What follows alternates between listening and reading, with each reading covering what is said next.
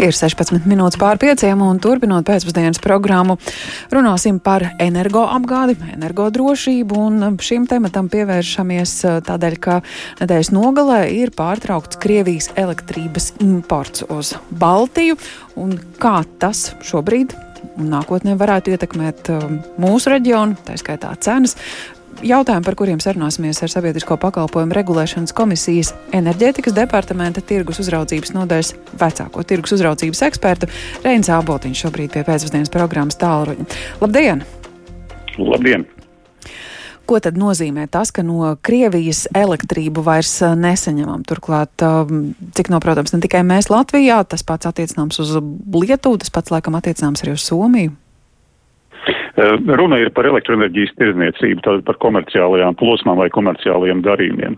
Nu, attiecībā uz uh, Latviju uh, šāds, šāda te jauna situācija, kad Nordpūl, Ziemeļvalstu un Baltijas valstu elektroenerģijas biržas Nordpūl operatori ir paziņojuši, ka vairs nevar sadarboties ar Interrao. Tas nu, ietekmējis, protams, ir visas trīs Baltijas valsts. Ja precīzāk sakot, šī tirgotāja, konkrētā tirgotāja darbība Baltijas valstīs, nu, principā arī visām Nordpol sistēmā. Tas nozīmē, ka komerc darījumus vairs šis tirgotājs nevar veikt. Un uh, attiecībā uz Latviju uh, tur droši vien ir uh, svarīgi saprast, ka šis tirgus apjoms nav ļoti liels. Nu, tāda viedokļa tas neietekmēs ļoti būtiski Latvijas patērētājus. Latvijā šim tirgotājam nav neviena mājasemniecības klienta. Savukārt ir 35 juridiskie lietotāji, Tāpēc šis skaits ir uh, salīdzinoši, pat ne salīdzinoši, bet tiešām ļoti mazs. Un pateicoties tam, ka tas uh, lietotāju uh, skaits ir mazs, ar katru no šiem lietotājiem notiek individuāla saziņa, uh, lai, uh, lai skaidrotu to situāciju un veicinātu uh, izpratni par to, kā var mainīt tirgotāju šobrīd, kādas tās iespējas un ko, ko šim lietotājam vislabāk vajag darīt jau tūlīt neatliekot uz rītdienu. Tā kā, nu, labā ziņa tiešām ir tā, ka pirmkārt tirgus apjoms nav liels, un otrkārt tas, ka maisienīcības šis, šī situācija neskar nekādi, bet ir juridiskie lietotāji, un tas ir neliels skaits, kurus ir iespējams, kur ir jau apzināti un ar kuriem notiek jau individuāls darbs, lai atrisinātu šo te viņu situāciju. Nu, nav tā, ka kāds šobrīd ir palicis uh, dīkstāvē, tāpēc, ka vairs nav elektrības piegādātāja. Um, nu, tā nevajadzētu notikt, tāpēc, ka regulējums uh, paredz, ka līdzīgās situācijās kā šī, kad vai nu tirgotājs nevar vairs izpildīt savas saistības, vai tirgotājiem ir, ir kaut kādi šķēršļi izpildīt savas saistības attiecībā pret lietotāju, uh, elektroenerģijas piegāde netiek pārtraukta, ir tā saucamais pēdējās garantētās piegādes pakalpojums, uh, to paredz arī likumdošana tieši šādā tādām situācijām, kad uh, rodas, nu, tir, ka tirgotājiem kļūst sarežģīti no savas puses pildīt saistības, vai arī varbūt lietotājs ir aizmirsis veikt kādas darbības un noslēgt uh,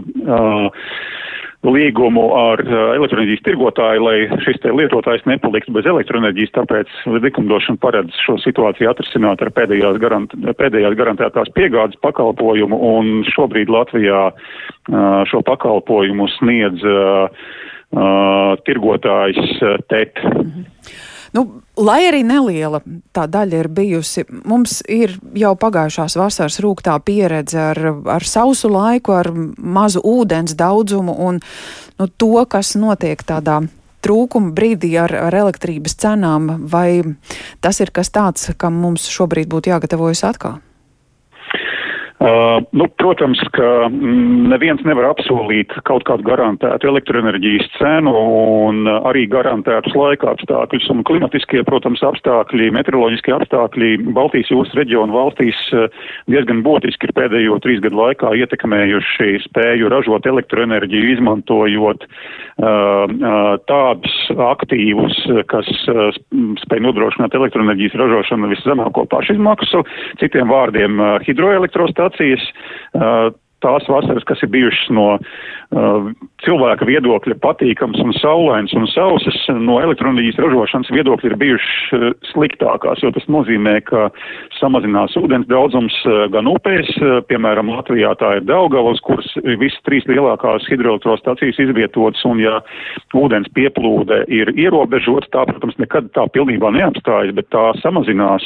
Tas nozīmē, ka nevar, nav iespējams vairs ar pietiekamu intensitāti un, un jaudu pietiekamas stundas diennakts griezumā saražot elektroenerģiju, un tas ir nozīmējis iepriekšējos, iepriekšējās vasarās, tas ir nozīmējis, ka šādos brīžos ir bijis nepieciešams darbināt uh, termoelektrocentrālis. Latvijā tās izmantoja dabasgāzi elektroenerģijas ražošanai, un ja dabasgāzes cena ir augsta, tad, protams, tam arī ir ietekme uh, bijusi un joprojām ir arī uz elektroenerģijas cenu, kas tiek ražota termoelektrocentrālēs, sadedzinot dabas gāzi. Nu, Igaunijā tā situācija ir līdzīga, tāpēc, ka tur, uh, tur, tur, tur, tur gan ir citi ražošanas aktīvi degslāneklis, bet vienalga tas nozīmē, ka ja nav vējš un ir maz ūdens, tad, protams, ka elektroenerģija tajā brīdī var sadārdzināties un visbiežāk arī sadārdzinās, bet atceramies, ka mēs esam, Latvija ir starp, labi starpsavienota gan ar Lietuvu, gan ar Igauniju, gan ar Zviedriju, gan ar Somiju.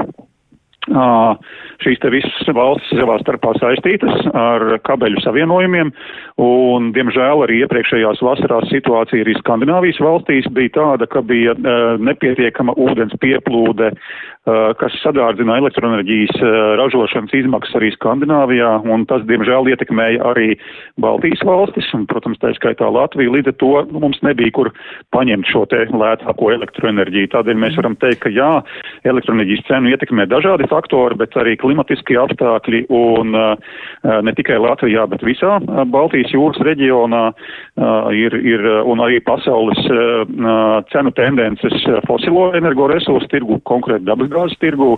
Līdz ar to nu, ir tādi faktori, ko mēs vienkārši nevaram Jā. ietekmēt un nevaram apsolīt. Protams, ka nekas tāds neatkārtosies, bet uh, parasti tā tendence tāda, ka vasarā, jebkurā gadījumā, vasarā un rudenī elektroenerģijas cena ir mazliet augstāka nekā ziemā un pavasarī, nu, vai šo jau esošo augsto cenu situācijā tam varētu būt vēl papildus kaut kāda ietekme. To šobrīd ir grūti prognozēt, bet es pieņemu, ka vasarā elektroenerģijas cena varētu būt augstāka nekā bija tagad pavasara mēnešos, pāris mēnešus pavasarī.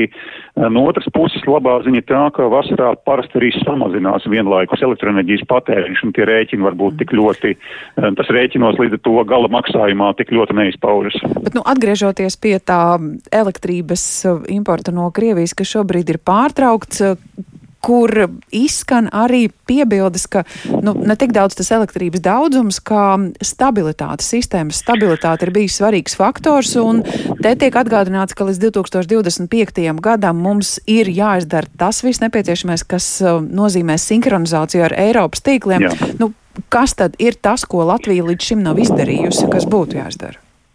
Nu, es teiktu tā, ka gan Latvija, gan Lietuva, gan Igaunija ir izdarījusi to, kas ir bijis jāizdara līdz šim, un tur pēc, nu, vismaz man pieejamās informācijas eh, no pārvades sistēmas operatoriem, uh, tur šis darbs rīt uz priekšu pēc plāna un pat mazliet vēl apsteidzot plānu, un uh, Uh, principā pārvaldes sistēmas operatori ir, uh, nu, ir labi gatavi dažādām arī ārkārtas situācijām, ja tāda nepieciešamība iestātos, bet šobrīd tie sagatavošanas darbi, lai uh, sinhronizētu Baltijas valstu energosistēmas frekvenci ar kontinentālās Eiropas energosistēmas frekvenci norit, tie labi virzās uz priekšu. Šobrīd joprojām, protams, fiziski tā elektroenerģijas aprite notiek starp Baltijas valstīm un, un un uh, Krieviju un Baltkrieviju, tā saucamajā Brelu lokā. Uh, tā kā, nu, es teiktu tā, šobrīd varbūt uh, šīs te viena tirgotā iziešana no aprites pagaidām, nu, tam nav tādas tiešas saiknes ar noris, ar, ar sinhronizācijas projektu īstenošanu. Tā viena tirgotā iziešana no aprites nozīmē vadu pārgriešanu, vai nē, tomēr nē, tas nē. ir process, kur, kur nu, ir saprotams sankcijas un, un, un situācija Jā. Ukrainā ir, ir tas atslēgas punkts, kur atrisinoties varētu atkal atgriezties pie elektrības iepirkšanas no Krievijas? Šeit runa ir par divām lietām. Būtībā tas, kas tiek pārtraukts šobrīd, tā vienkārši izsakoties, vairs netiek tirgota elektroenerģija. Tas gan nenozīmē, ka tiek no, no pārcirsti vadi, tā raupji izsakoties. Tas nozīmē vienīgi to, ka netiek tirgot, nenotiek komerciāla uh, elektroenerģijas pārdošana no Krievijas, Baltijas valstīs vai Somijā. Tas, kas joprojām notiek, notiek fiziskas elektroenerģijas plūsmas vai fiziska elektroenerģijas apmaiņa pa tiem pašiem savienojumiem, kas ir starp Krieviju, Baltkrieviju un Baltijas valstīm, lai nodrošinātu šī vienot pagaidām joprojām vienotās sistēmas frekvences stabilitāti. Tas joprojām notiek. Respektīvi, mēs vienkārši netirgojamies vairāk. Neviens cents netiek samaksāts par Krievijas elektroenerģiju, ele elektroenerģijas tirgū.